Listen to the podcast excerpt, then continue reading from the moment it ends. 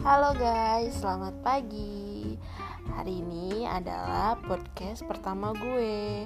Um, masih bingung sih nanti mau cerita tentang apa, tapi at least gue sudah mulai terlebih dahulu untuk membuat podcast ini. Semoga ke depannya gue konsisten ya untuk uh, bikin podcast setiap minggunya supaya bisa jadi sarana untuk ngeluarin unek-unek dan untuk berbagi hal-hal kecil yang semoga nantinya bisa bermanfaat.